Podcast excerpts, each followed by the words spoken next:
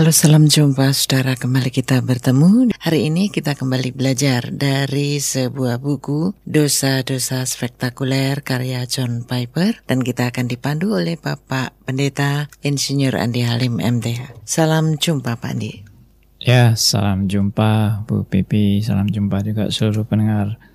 Kita bersyukur pada Tuhan untuk kesempatan kita boleh belajar firman Tuhan Dan mendapat bimbingan daripada roh kudus untuk mengerti kebenaran demi kebenaran. Mari kita berdoa, kita mohon pimpinan Tuhan di dalam kita belajar firman-Nya.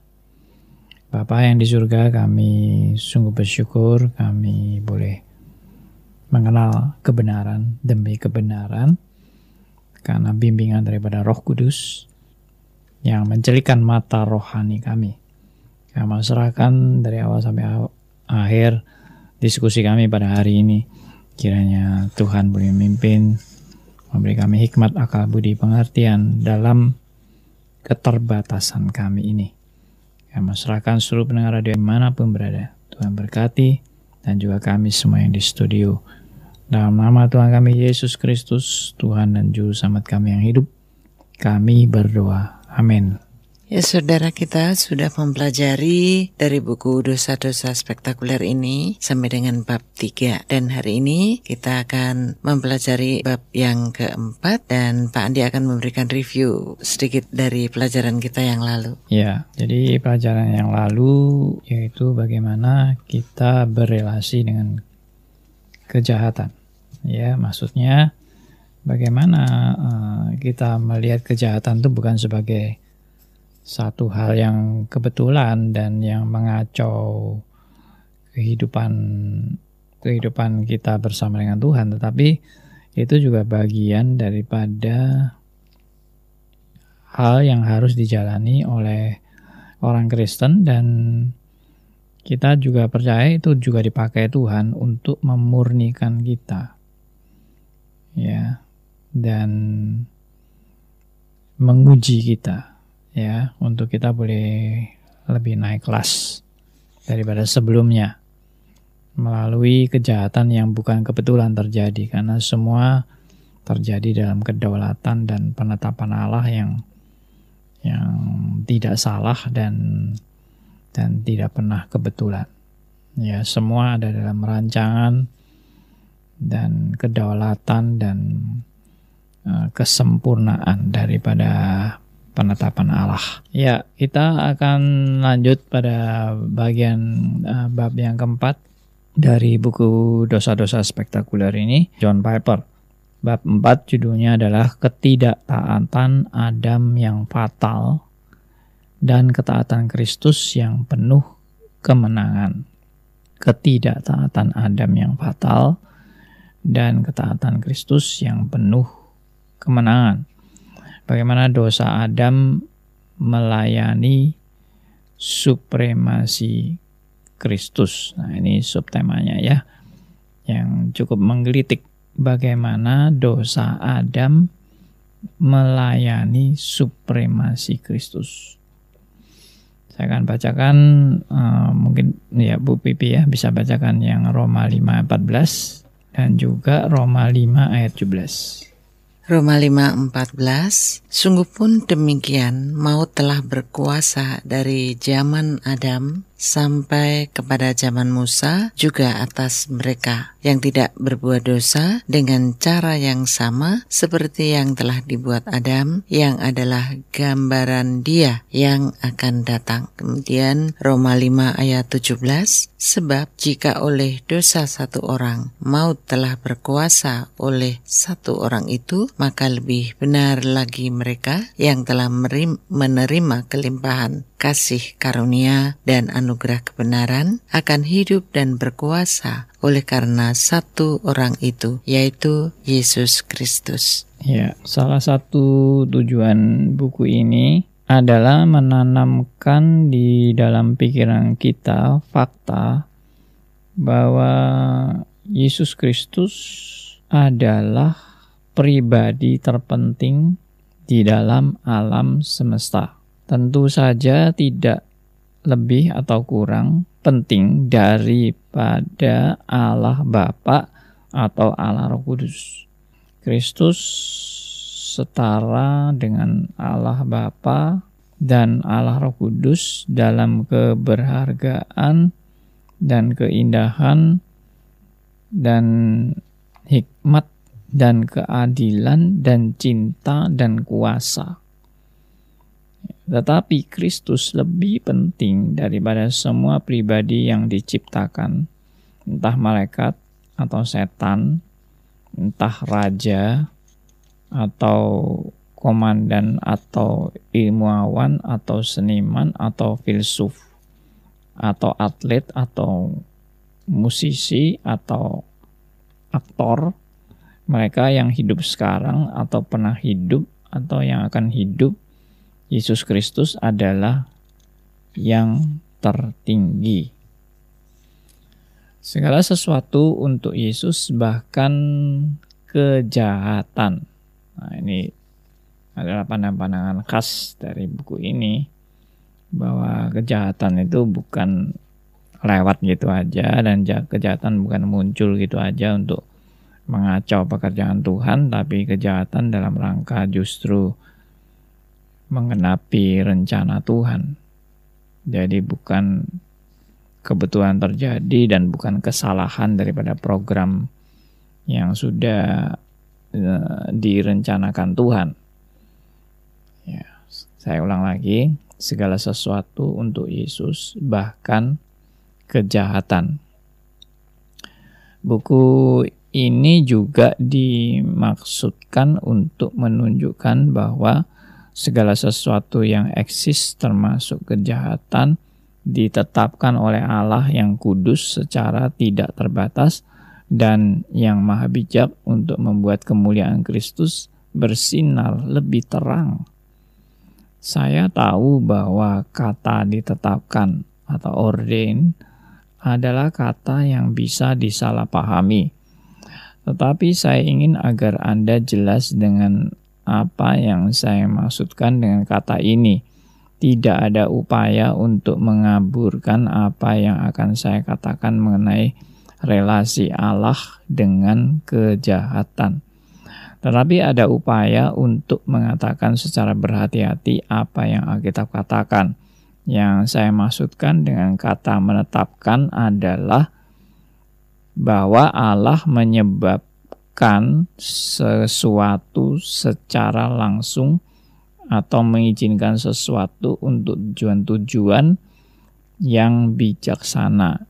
Izin ini adalah sejenis sebab tidak langsung karena Allah mengetahui semua faktor yang terlibat dan apa dampak dari faktor-faktor tersebut dan ia dapat mencegah segala dampak tersebut.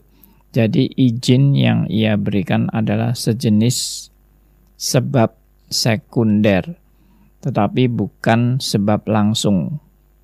Pembedaan ini adalah upaya untuk setia kepada cara-cara yang berbeda yang digunakan Alkitab untuk berbicara mengenai relasi Allah dengan semua peristiwa. Alkitab mengungkapkan kedua ide tersebut menyebabkan dan mengizinkan dalam hal cara Allah melaksanakan sesuatu. Sebagai contoh di dalam Markus 5 ayat 12 sampai 13 roh-roh jahat meminta kepadanya supaya menyuruh mereka pindah ke dalam babi-babi dan Yesus mengabulkan permintaan mereka. Di dalam 1 Korintus 16 ayat 7, Paulus mengatakan, Aku harap dapat tinggal agak lama dengan kamu jika diperkenankan Tuhan. Ibrani 6 ayat 1 sampai 3 mendorong jemaat untuk uh, meninggalkan asas-asas pertama dari ajaran tentang Kristus dan beralih kepada perkembangannya yang penuh dan kemudian menyimpulkan dan itulah yang akan kita perbuat jika Allah mengizinkannya. Dan Alkitab berbicara mengenai tindakan Allah yang lebih langsung bahkan di dalam peristiwa-peristiwa melibatkan kejahatan. Sebagai contoh, saudara-saudara Yusuf menjualnya menjadi budak tindakan yang sangat berdosa ini menyebabkan Yusuf sampai di Mesir dan di kemudian hari berada pada posisi untuk menyelamatkan saudara-saudaranya yang dulu membenci. Yusuf berkata, "Maka Allah telah menyuruh aku mendahului kamu untuk menjamin kelanjutan keturunanmu di bumi ini dan untuk memelihara hidupmu sehingga sebagian besar daripadamu tertolong. Saat terjadinya eksodus dari Mesir, kita membaca mengenai Allah yang mengeraskan hati Firaun dan ia yang mengubah orang-orang Mesir untuk membenci orang-orang Israel. Aku akan mengeraskan hatinya sehingga ia tidak membiarkan bangsa itu pergi. Keluaran 4 ayat 21 diubahnya hati mereka untuk membenci umatnya, untuk memperdayakan hamba-hambanya. Mazmur 105 ayat 25. Bencana-bencana baik bencana fisik maupun rohani digambarkan sebagai dikirim oleh Allah. Aku akan mendatangkan kelaparan atasmu dan binatang-binatang buas di tengah-tengahmu yang akan memunahkan anak-anakmu Yeskiel 5 ayat 17. Aku akan mengirimkan kelaparan ke negeri ini, bukan kelaparan akan makanan dan bukan kehausan akan air, melainkan akan mendengarkan firman Tuhan. Amsal 8 ayat Amos 8 ayat 11. Jadi ketika saya mengatakan bahwa semua eksis termasuk kejahatan ditetapkan oleh Allah yang kudus secara tidak terbatas dan maha bijak untuk membuat kemuliaan Kristus bersinar lebih terang. Maksud saya adalah bahwa dengan satu atau lain cara Allah memastikan bahwa segala sesuatu berfungsi memuliakan anaknya. Entah ia menyebabkan atau mengizinkan, ia melakukannya dengan tujuan tertentu. Bagi Allah yang maha bijak dan maha tahu menyebabkan maupun mengizinkan sama-sama memiliki tujuan Keduanya adalah bagian dari gambaran total dari apa yang Allah rencanakan untuk terjadi. Ya, sampai di sini dulu pembahasan kita. Jadi ini membahas mengenai munculnya kejahatan itu bagaimana dalam penetapan Allah atau di luar penetapan Allah. Yang pasti kesimpulannya dalam penetapan Allah. Dan di dalam penetapan Allah itu ada pembahasan uh, mengenai uh, saya sebut sebagai first cause dan second cause ya. Jadi penyebab langsung kalau di sini disebut sebagai penyebab langsung dan penyebab yang tidak langsung. Nah, saya pakai istilah first cause dan second cause. Yang yang dimaksud penyebab langsung adalah Tuhan secara direct, secara langsung memang uh, menjadi penyebab yang pertama daripada semua peristiwa. Sedangkan second cause itu adalah penyebab yang uh, tidak langsung dalam arti uh, bukan langsung dari Allah, tetapi uh, semua itu tetap berpijak dari uh, first cause-nya ya. Uh, Allah bisa langsung memang tadi sudah tertulis mengeraskan hati Firaun dan menyebabkan Firaun membenci bangsa pilihan itu. Tetapi juga ada penyebab tidak langsung bisa juga melalui pekerjaan iblis yang uh, menggoda anak-anak Tuhan atau atau ya melakukan pekerjaan-pekerjaan yang mengacau pekerjaan Tuhan itu dari iblis yang melakukan. Tapi semuanya itu ada di dalam kedaulatan Allah dan penetapan Allah dan dengan tujuan semuanya adalah untuk kemuliaan bagi Allah. Nah, itu yang kita harus paham bahwa tidak ada kejadian yang luput dari mata Tuhan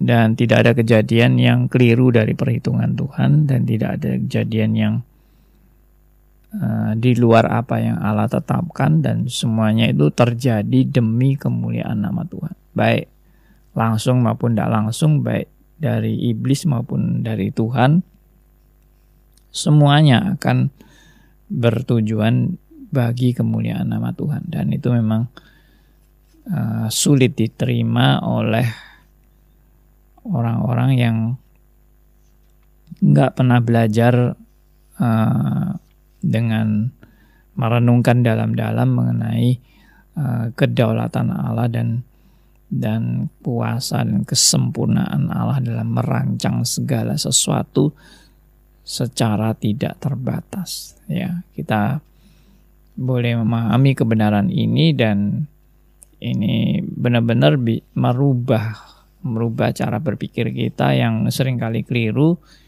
dan menganggap bahwa uh, kejahatan itu bukan eh, kejahatan itu di luar sama sekali dari dari rencana Tuhan dan penetapan Tuhan. Itu itu bukan rencana dan penetapan Tuhan. Nah, itu kalau sampai seperti itu justru konyol sekali dan kita tidak kita tidak mengerti dan memahami uh, Alkitab secara komprehensif dan konsisten dan integrated ya uh, dalam juga dari sudut pandang reform yang sangat-sangat jelas menekankan kedaulatan Allah di atas segala-galanya, termasuk dalam kejahatan dan hal-hal yang uh, kelihatannya menentang Allah, tetapi itu justru menggenapi uh, mengenapi apa yang Tuhan rencanakan. Yang paling gampang itu ya kalau kita lihat misalnya uh, penyalipan Tuhan Yesus itu jelas-jelas kejahatan. Ya, penyalipan Tuhan Yesus adalah jelas-jelas kejahatan. Dan Yudas mengkhianati Tuhan Yesus dan orang-orang Yahudi yang mengatakan salibkan dia, salibkan dia. Dan uh, pengadilan di Herodes dan di Pilatus yang akhirnya menyimpulkan bahwa memang Kristus harus disalib karena uh, Pilatus juga takut dengan banyak orang yang menuntut Kristus harus disalib. Jadi Eh, semua itu kejadian kelihatannya kejadian yang gitu-gitu aja atau mengalir begitu saja kejadiannya tetapi kejadian mengalir ini dalam rencana Tuhan dalam dalam kedaulatan dan penetapan Allah. Nah, uh, apakah ini terjadi hanya terjadi bagi Kristus dan tidak bagi kita dalam kehidupan kita sehari-hari? Uh, tidak, ya. Maksudnya tidak itu uh, tidak tidak demikian tidak hanya bagi Kristus saja, tetapi bagi semua peristiwa, semua kejadian itu ada dalam penetapan kedaulatan dan rancangannya yang sempurna tanpa kecuali. Nah, biarlah ini kita bisa belajar bahwa berarti tidak ada kekeliruan dalam rencana Tuhan. Berarti tidak ada kebetulan dan tidak ada kebobolan dan tidak ada salah perhitungan Ya, sekali lagi saya bolak-balik menekankan ini supaya kita tuh paham benar-benar bahwa semua yang terjadi itu di Allah berdaulat dan Allah mengontrol segala sesuatu meskipun kelihatannya nggak terkontrol. Meskipun kelihatannya uh, kejahatan kok terjadi begitu liar misalnya begitu ya. Jadi saya tadi juga baru baca surat kabar ada satu anak yang masih umur remaja ya umur 13 tahun kalau nggak salah. Diperkosa diperkosa oleh ya, berapa itu? 12 pria atau ya ini aduh nggak nggak nggak bisa kebayang gitu. Bagaimana jadi orang tua dari anak ini bagaimana jadi anak ini sendiri yang mengalami pemerkosaan dengan 12 orang yang memperkosa dia. Luar biasa sekali dan kejahatan yang sangat mengerikan dan tidak bisa bayangkan bagaimana menghadapi saat-saat diperkosa itu ya. Dan kejahatan seperti itu lalu kita bilang itu dalam penetapan Allah dan dalam rancangan Allah itu memang sulit sekali bisa menerima itu. Ya dan masalah merancang itu dan masalah menetapkan kejadian yang mengerikan seperti itu betapa jahatnya Allah itu.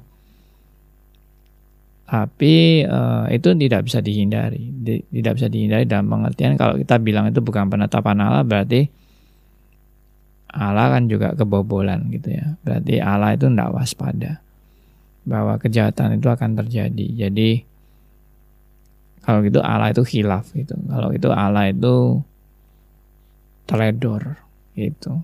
Allah itu nggak menjaga baik-baik ciptaannya sehingga terjadi kejahatan yang begitu ya sama. Jadi akhirnya kesimpulannya juga sama-sama konyol gitu. Maksudnya kalau itu rencana Allah itu dianggap konyol.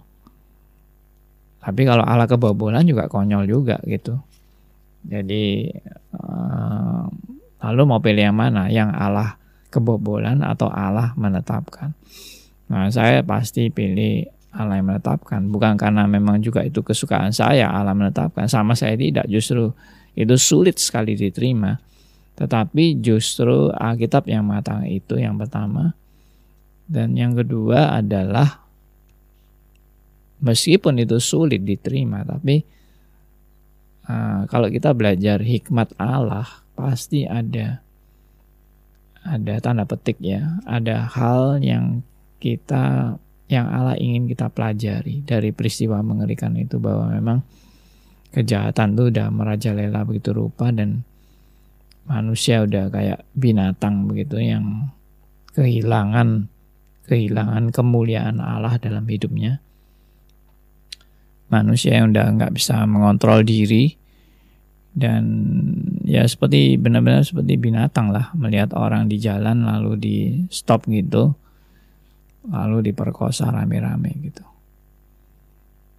Ya ya inilah menunjukkan kerusakan manusia ya kerusakan manusia yang yang tanpa Allah gitu Nah itu itu juga mengingatkan kita seperti saudara dan saya yang sebenarnya kita itu juga rusak. Kita ini sebenarnya orang rusak dan ya cuma kita nggak sesadis mereka ya. Cuma kita ini juga dasarnya sama-sama berdosa, sama-sama brengsek mungkin di hadapan Tuhan. Karena pikiran kita juga pikiran yang bukan hanya masalah kotor dalam hal seks ya, tapi bisa kotor dalam hal lain gitu. Misalnya selalu mencari keuntungan diri dan selalu uh, apa ya, senang melihat orang lain yang yang menderita, gak menderita gitu. Dan kita tidak suka melihat orang lain berbahagia kalau kita sendiri yang menderita. Nah, itu ada pikiran-pikiran kotor seperti itu yang bisa muncul ya, lalu iri hati, dendam, Eh, kebencian dan sebagainya. Dan itu makanya Tuhan Yesus pernah bilang, kamu dengar perintah jangan membunuh, tapi kalau kamu eh, marah dengan saudaramu itu sebenarnya sudah harus dihukum sama dengan pembunuhan. Karena pembunuhan itu adalah asal usulnya ya, pembunuhan karena hubungan pribadi, dendam pribadi dan sebagainya itu asal usulnya dari kebencian, dari dari ketidakpuasan, mungkin kebencian, dendam, akhirnya diteruskan sampai pembunuhan. Kita mungkin tidak sampai pembunuhan, tapi kita benci, kita dendam. Nah itu sebetulnya akarnya sama dengan pembunuhan. Cuma kita nggak lanjutkan sampai membunuh gitu aja karena mungkin kita juga takut atau kita nggak biasa melakukan hal seperti itu. Kita juga takut mungkin takut dihukum juga takut takut ditangkap gitu mungkin dengan gara-gara pembunuhan. Dan kita tidak mau sesadis itu ya masih ada istilah ada rem-remnya gitu ya. Tapi akarnya sama yaitu kebencian dendam. Dan tidak senang melihat orang lain berbahagia mungkin bisa seperti itu ya. Nah itu itu itu sebetulnya menunjukkan siapa kita di hadapan Tuhan. Kita ini orang bobrok dan kita tidak bisa menyombongkan diri kita sendiri dalam dalam apa menjaga kesalehan kita. Misalnya wah saya ini orang hebat ya saya ini orang yang saleh saya ini nggak pernah memperkosa orang dan tidak pernah menipu tidak pernah merampok tidak pernah membunuh tidak pernah berzina ya secara lahiriah mungkin ya tapi secara ukuran rohani kita semua itu nggak layak di hadapan Tuhan. Nah itu paling nggak ada gambaran-gambaran seperti itu. Jadi kalau kita ngelihat orang kayak gitu dan kita merasa sadis, kita merasa ini orang kayak binatang, sebetulnya kita itu juga mirip seperti itu. Cuma kita nggak sampai tingkah lakunya nggak sampai keterlaluan seperti itu ya. Tapi uh, secara basicnya itu kita itu sama-sama orang berdosa, sama-sama orang nggak layak sama-sama orang bejat di hadapan Tuhan. Tetapi Tuhan mau berbelas kasihan bagi kita orang yang berdosa yang bejat ini. Ya itu menyebabkan juga pelajaran apa? Pelajaran ya supaya kita jangan sombong. Jangan merasa diri kita hebat, merasa diri kita udah saleh, udah lebih baik dari orang lain. Ya, eh, jangan me membanggakan diri atas prestasi-prestasi yang kita semua itu hanya karena anugerah dan pemeliharaan Tuhan saja. Ya, sampai di sini pembahasan kita. Ya, Saudara Pak Andi sudah membacakan dan mengulas subtema yang kita pelajari dari bab yang keempat kali ini. Dan ya, bagi Anda yang mungkin ada pertanyaan, Anda bisa mengirimkan ke lewat BBM ya di 5F4 E967E 5F4 E967E Baik Pak Andi hmm, kita mempelajari dari dulu ya kita mempelajari hmm. makin meningkat makin meningkat tentang kedaulatan Allah dan penetapan hmm. Allah ini segala sesuatu tidak terjadi secara kebetulan tapi semuanya adalah dalam kontrol Allah, hmm. dalam penetapan Allah begitu ya. Termasuk apakah Yusuf dijual oleh saudara-saudaranya yang punya uh, tujuan itu suatu saat akan menolong keluarganya. Kemudian tapi ada beberapa pencobaan itu yang kadang-kadang membuat uh, banyak orang berpikir juga ya seperti misalnya uh, bencana fisik maupun rohani yang dikirim oleh Allah yang digambarkan dikirim oleh Allah ya mendatangkan kelaparan atas bangsa Israel itu memunahkan anak-anaknya mengirim kelaparan ke Israel atau ke katakan saja ke semua orang, umatnya bahkan ya. Kemudian juga penderitaan-penderitaan yang tidak tertanggungkan. Kadang kan membuat penetapan Allah kok apalagi kalau kita belum tahu jawabannya ya di belakangnya itu kok tiga ya? Kadang-kadang kan begitu ya Pak Andi.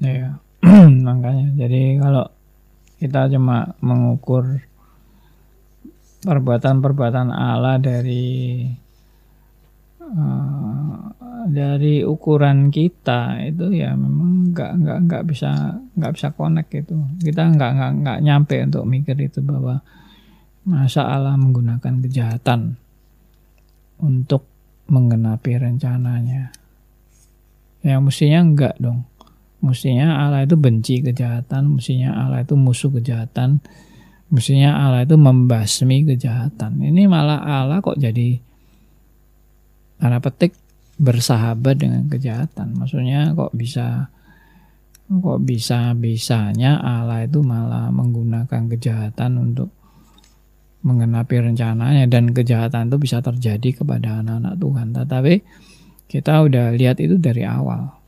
Ya, juga bolak-balik saya ingatkan bahwa kejahatan pertama itu ya uh, Kain membunuh Habil. Itu kejahatan pertama yang dicatat di Alkitab. Kain membunuh Habil. Itu adiknya sendiri. Dan Habil itu orang yang taat sama Tuhan. Dan Habil itu orang yang yang apa hidup dalam dalam jalur Tuhan. Tetapi Kain membenci dan Kain iri dan Kain akhirnya mau membunuh Habil. Nah, pertanyaannya kan di mana perlindungan Tuhan gitu. Di mana jaminan pemeliharaan Allah yang katanya uh, apa ini melindungi kita daripada yang jahat. Tapi kok Habil dibunuh? Nah, mestinya kan tanya, kenapa Habil bisa dibunuh?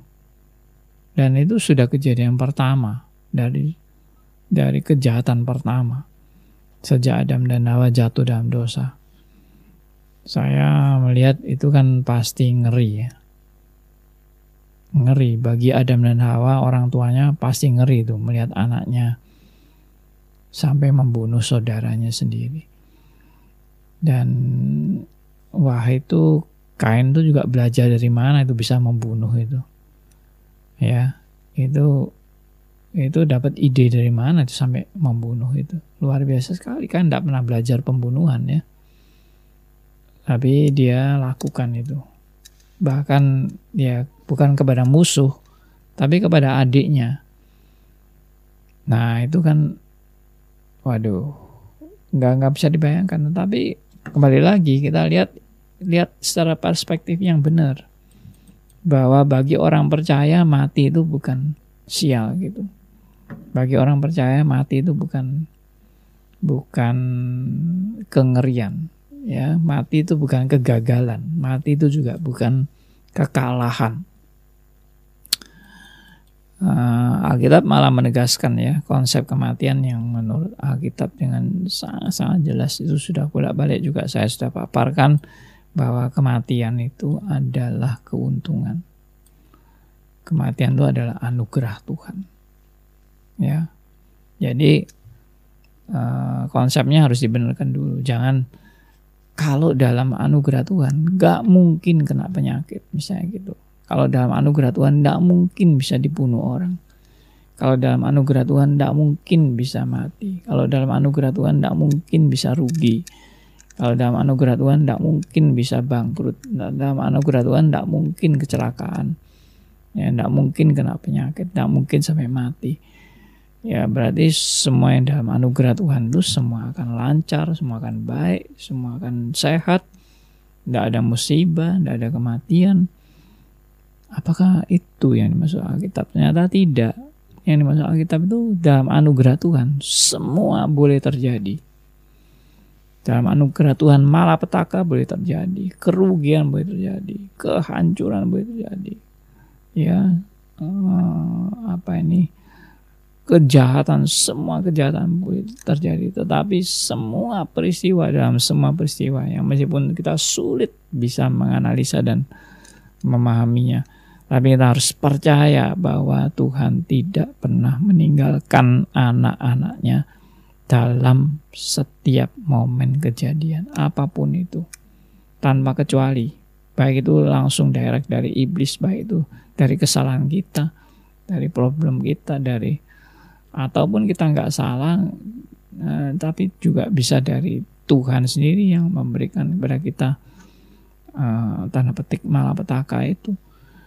Kita harus percaya bahwa semua itu terjadi demi kebaikan anak-anaknya demi anak-anaknya anak-anaknya juga bertumbuh dan menjadi makin dewasa. Jadi kalau tidak ada ujian bagaimana kita bisa naik kelas? Jadi memang harus ada ujian. Ya kira-kira begitu. Ya, kalau uh, begini Pak Andi, misalnya uh, bolehlah pencobaan terjadi, tetapi ada ayat yang mengatakan uh, tidak melebihi kekuatanmu seperti itu. Tapi kadang-kadang kita melihat kejadian seperti ya yang saat ini ataukah yang real terjadi pada masa sekarang tuh banyak seperti uh, kejahatan yang dilakukan di tidak tertanggungkan padahal ayat kan mengatakan tidak melebihi kekuatanmu.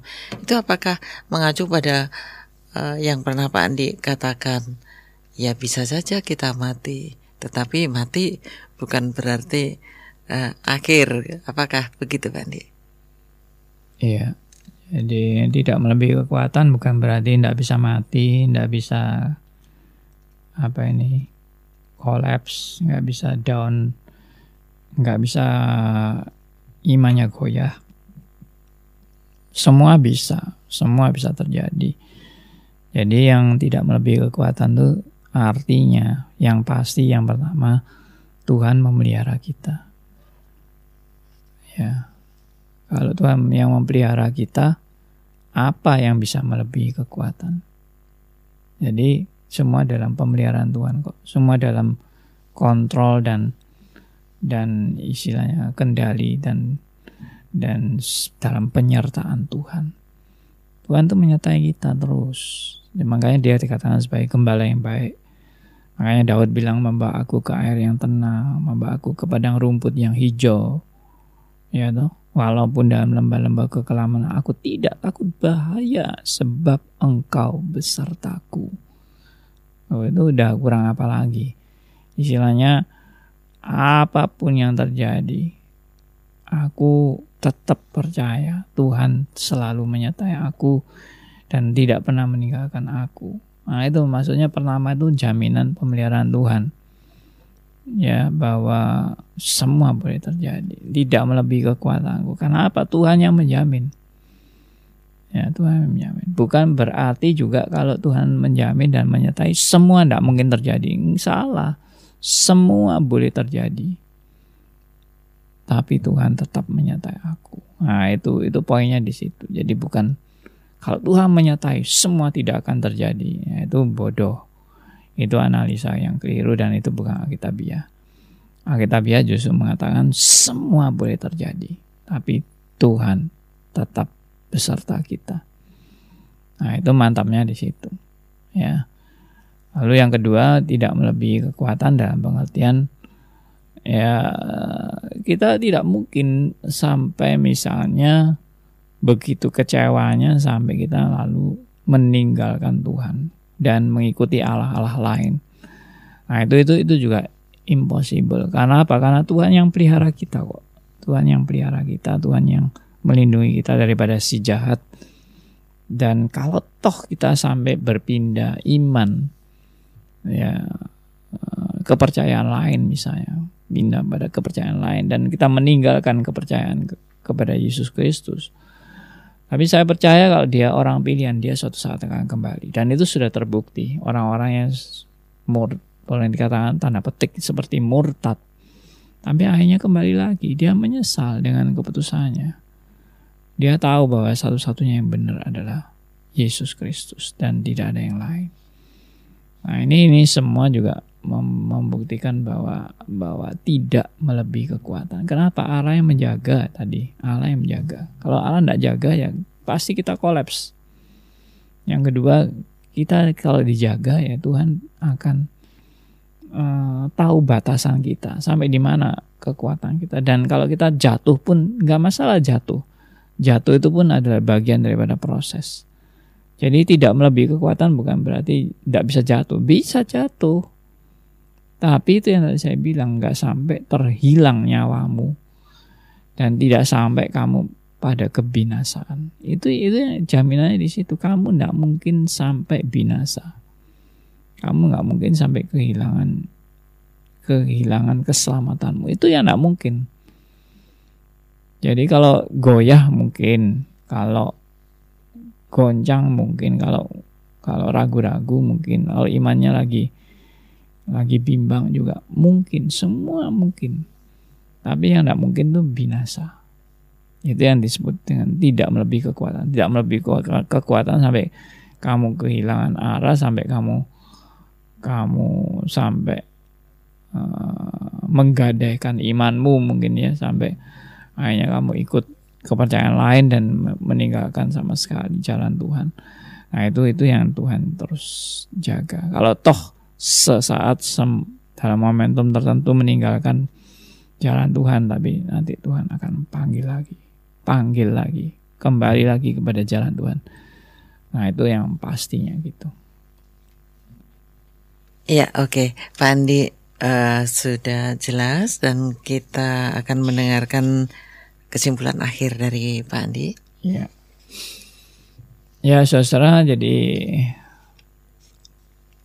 kalau kita lihat secara keseluruhan di sini kita kita baru lihat ya bahwa inilah penafsiran yang benar-benar uh, konsisten ya penafsiran yang komprehensif penafsiran yang integrated dan harmonis gitu artinya uh, kalau kita misalnya bilang oh itu bukan rencana Tuhan. Nah, itu itu udah udah pasti terjebak pada kekeliruan dan dan akhirnya terjebak pada parsial-parsial ya bahwa rencana Allah itu tidak utuh. Kita tidak bisa melihat secara utuhnya begitu. Dan kita tidak juga bisa melihat uh, benang merahnya antara kebersihan dengan peristiwa karena semua itu hanya kebetulan-kebetulan yang terjadi atau kerusakan-kerusakan yang di luar rencana Tuhan yang yang tidak ada kaitan satu dengan yang lain. Tapi kalau kita melihat secara keseluruhan semua itu ada benang merahnya termasuk kejahatan yang terjadi itu nggak nggak nggak di luar rencana Tuhan. Semua dalam rangka mengenapi rencananya secara seutuhnya. Ya saya harap ini bisa menjadi satu perenungan bagi saudara-saudara sekalian dan dan memperlengkapi saudara untuk menjadi prajurit Kristus yang mengerti rencana Tuhan dengan lebih tepat sesuai dengan firman-Nya dan tidak keliru menafsirkan firman Tuhan. Mari kita berdoa, kita bersyukur pada Tuhan. Bapa yang di surga kami bersyukur dan terima kasih karena Tuhan memberikan kami uh, pengertian-pengertian yang bijaksana menurut prinsip Alkitab.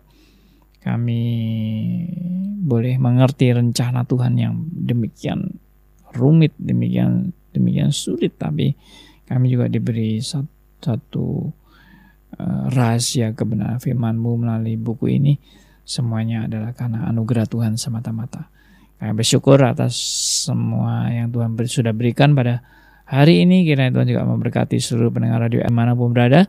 Dan juga Tuhan memberkati semua kru yang uh, bekerja di dalam di dalam studio. Kami menyerahkan doa kami dalam satu nama yaitu nama Tuhan kami Yesus Kristus, Tuhan dan Juru Selamat kami yang hidup sampai selamanya. Amin.